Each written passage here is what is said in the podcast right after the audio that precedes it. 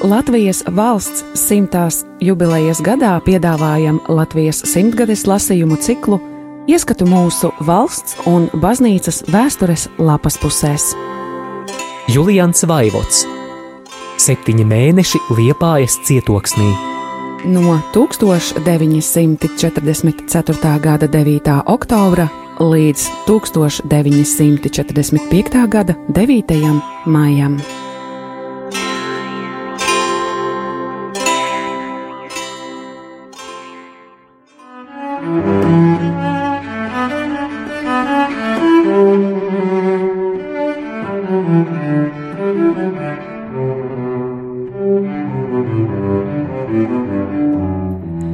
1945. gada 14. februārī. Memento homo quia pulvis eset in pulverem converteris. Piemini cilvēku, ka puteklis esi un par putekli pārvērtīsies. Simtiem reižu to vajadzēja šorīt atkārtot, kaisot uz galvas dievlūdzējiem baznīcā pirms dievkalpojuma pasvētītos pelnus. No tā arī šīs dienas nosaukums - Pelnu diena. Kā senie ninīvieši saņēmuši pravieša brīdinājumu par draudošām briesmām, kaisīja sev pelnus uz galvas un gavēnī centās pārlūgt dievu, tā mēs šodien ar šo ceremoniju iesākam lielo gavēni. Viss cilvēkam ir svarīgs, kamēr viņš dzīvo virs zemes un šo svarīgo domu un darbu pastāvīgā ritmā aizmirstas vissvarīgākais, un proti, ka tam visam tikai pagaidu raksturs. Nemanot, tuvojamies brīdim, kad tas viss paliks ne tikai vienaldzīgs, bet pilnīgi lieks. Tāpēc paceļas jautājums, kas tad cilvēkam būs svarīgs? Cilvēki būtu visnelaimīgākās radības pasaulē, ja pēc nāves nekā svarīga nebūtu. Jo tikai cilvēks apveltīts ar prātu, kurš viņam liek apzināties tuvošanos nāvei, un doma par galīgu iznīcību reizē ar nāvi atņemtu katru jēgu mūsu tikumiem un ciešanām, radot dvēselē visstumšāko pesimismu. No zemes ir ņemta cilvēka mirstīgā daļa, un par zemi pārvērtīsies. Jautājums tikai kad? Cik ilgi es vēl varu jautri dzīvot? Jautājis kādreiz dzīvespriecīgs jauneklis savam garīgajam tēvam. Līdz pat nāvei, ja tikai pirms nāves atgriezīsies pie dieva, atbildējis mūks. Diemžēl cilvēkam nav dots zināt savas nāves laiku, un varbūt arī tā labāk. Starp zemniekiem ir izplatīta teika, ka vecos laikos cilvēki zinājuši savas nāves dienu, un tas bijis liels šķērslis saimniecības attīstībai, jo saimnieks pirms nāves ņēmis cirvi un pārcirtis žogiem klūgas, zinādams, ka viņam žogi vairs nebūs vajadzīgi. Tāpēc Dievs esot cilvēkiem nāves stundu noslēpis. Arī šodien netrūktu teikā minētam zemniekam sekotāju, ja tikai cilvēki zinātu, kad no šīs zemes būs jāšķiras. Labāk nezināt, un katrā laikā būt sagatavotam uz nāvi. Visnopietnāk nāves problēmu ņem trapistu mūki kuri no visas vārtnīcas ir paturējuši tikai divus vārdus - memento mori, piemini nāvi.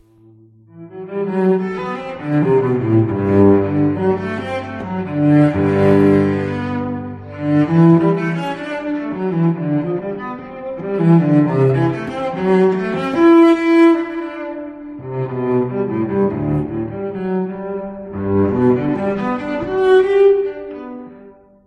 1945. gada 15. februārī. Šodien liepainieku uzmanību saista balta, apdrukāta papīra loksne. Pie namu un žogu stūriem, kur tā uzlikta, drūzmējas cilvēki, lai personīgi pārliecinātos par to, ko jau no desmitiem ir dzirdējuši stāstām.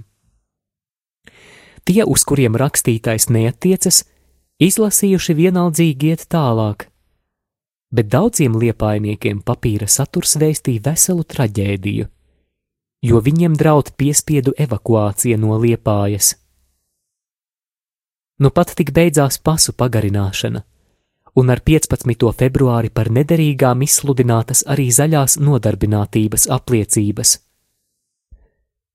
Visi, kas saistīti darbā, caur darba vietām saņēma tāda paša formāta kā agrākās, tikai baltā krāsā, ar sarkaniem burtiem drukātās nodarbinātības apliecības.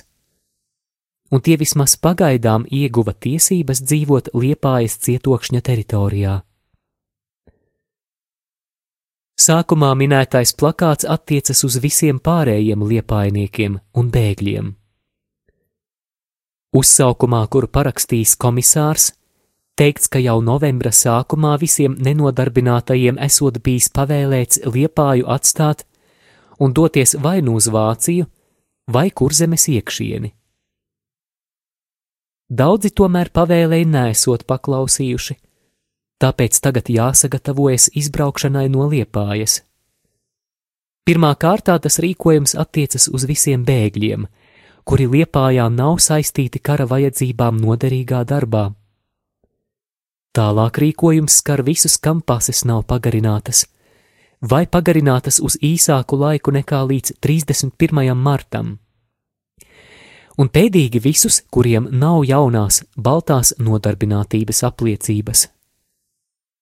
Viņiem visiem piecu dienu laikā jāreģistrējas evakuācijas štābā apšu ielā numur 3 un jāsakārtojas izbraukšanai no Liepājas kurzemes iekšienē.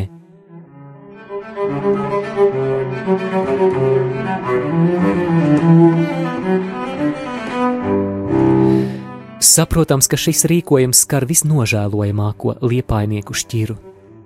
Darba nespējīgos večus un vecenes bez apgādniekiem, kuri arī līdz šim dzīvību vilka kā gaisa putru augstumā un bez produktu kartītēm.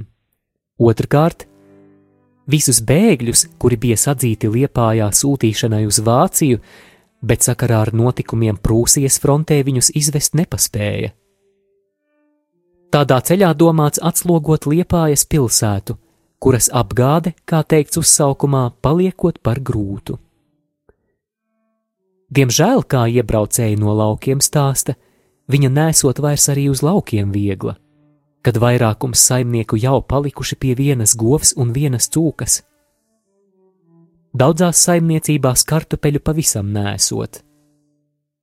Tātad baigais badarēks jau sāk celt galvu arī bagātajā dievzemītē.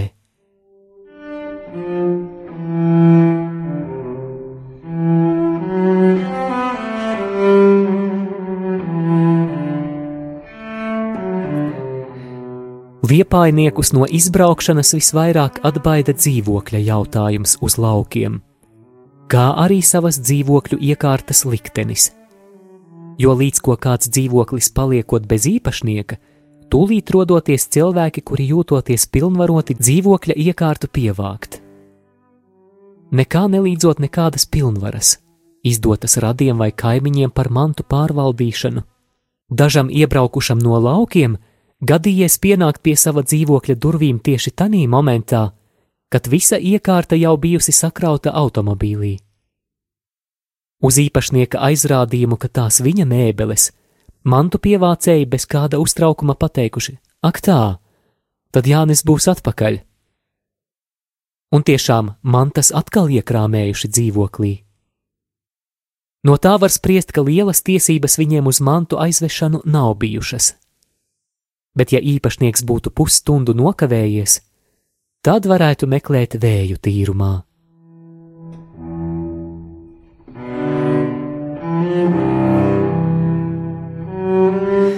Vispār jāsaka, ka privātīpašuma tiesības pēdējos gados pavisam sašķobījušās, un grūti būs pēc kara atkal ieaudzināt cilvēkiem cieņu pret citu cilvēku privāto mantu un tiesībām uz to. Vēl grūtāk būs cilvēkiem atgūt cieņu pret valsts un sabiedrības īpašumu.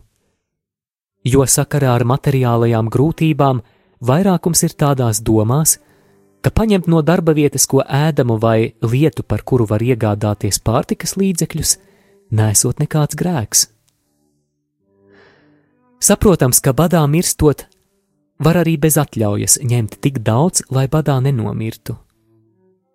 Bet šis bada jēdziens katra personīgā tulkojumā ir viegli stiepjams, un robežu ieturēt nav viegli. Karš grauj ne tikai pilsētas un ciemus, bet arī cilvēku morāli, un to atjaunot ir vēl grūtāk nekā sagrautos namus un sētas. Šis karš politiski un ideiski Eiropas valstis tuvina komunismam.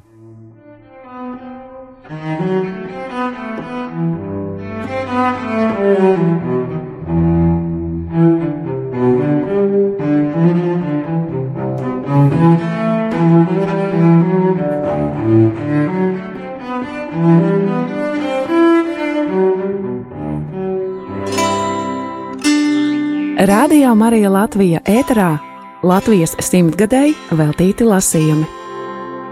Julians Vaivots Septiņi mēneši Liepājas cietoksnī. No 1944. gada 9. oktobra līdz 1945. gada 9. maijam.